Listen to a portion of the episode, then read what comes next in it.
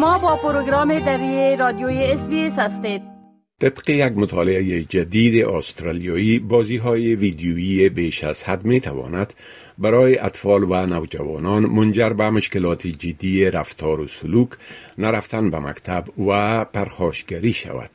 محققان پوهنتون مکواری سیدنی دریافتند که تا سه فیصد از نوجوانان ممکن به اختلال بازی اینترنتی مبتلا شوند.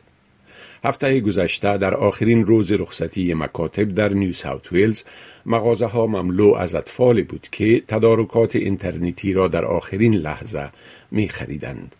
اما بسیاری از آنها مشتاق بودند که به خانه برگردند و دوباره به بازی آنلاین آغاز کنند. لی لوی هشت ساله خوش دارد پوکمان بازی کند و اعتراف می کند که گاه اوقات خاموش کردن کمپیوتر برایش سخت است. Playing games online makes me happy. Sometimes hard to turn it off because I want to play it sometimes a little bit more. او تنها نیست. بسیاری از والدین از مشکل وقتی که اطفالشان در مقابل صفحه کمپیوتر یا تلویزیون میگذرانند به خوبی آگاهند.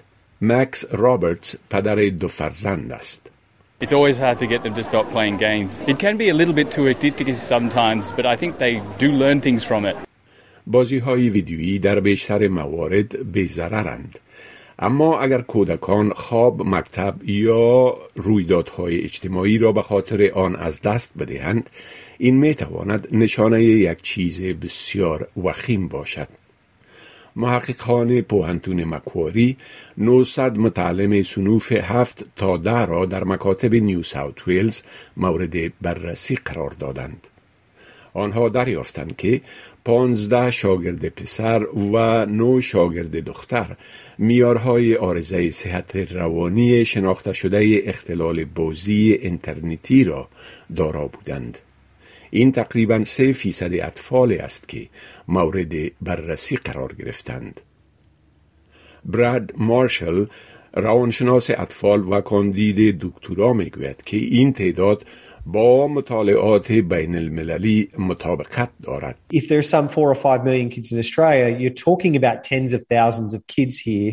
What we also see is that up to 10% of cohorts have what we call subclinical levels, which is hazardous gaming. So, you know, the, the subclinical level is actually between four and 500,000 Australian kids that are at risk. این مطالعه شباهت های را بین اطفالی که احتمالاً دارای اختلالات بازی هستند به شمول هوسگرایی اعتماد به نفس پایین یا جنگ کردن در بین خانه پیدا کرد. اما محققان می‌گویند این محرک ها قابل درمان هستند. If someone like myself works with a child or a family on reducing the conflict at home or on getting them more socially engaged in the day to day, in the real world, quote unquote, then that can actually be enough uh, to impact on a child's life in a positive way. لیونی سمیث مشاور بازی های دیجیتال می گوید اگر کودکان نیمه شب برای بازی کردن از خواب بیدار می شوند ممکن است نیاز برای مداخله و کمک موجود باشد. If they're becoming very anxious um, when you're trying to get them off the game, if they're really pushing back on that, potentially getting violent, those types of signs mean that you might need to look at either getting some help um, with what's going on or some advice or really taking um, the time to sit down and work out a tech technology plan with your child.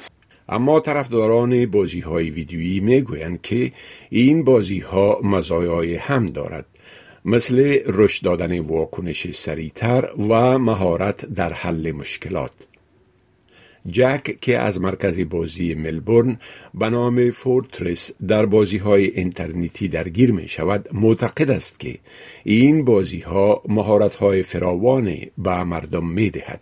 Um, awkward in social situations, but now once I started playing video games, started talking to more people um, online, I, I got a lot more confident. اما متخصصین می‌گویند که در این گونه بازی ها همانند همه ساحات زندگی از اعتدال و میان روی کار گرفتن بسیار مهم است. گزارش را که شنیدید با کمک لوسی ماری از SBS News تهیه شده بود. می خواهید این گونه گزارش ها را بیشتر بشنوید؟ به این گزارشات از طریق Apple Podcast، Google Podcast، Spotify و یا هر جایی که پادکاستتان را می گیرید گوش دهید.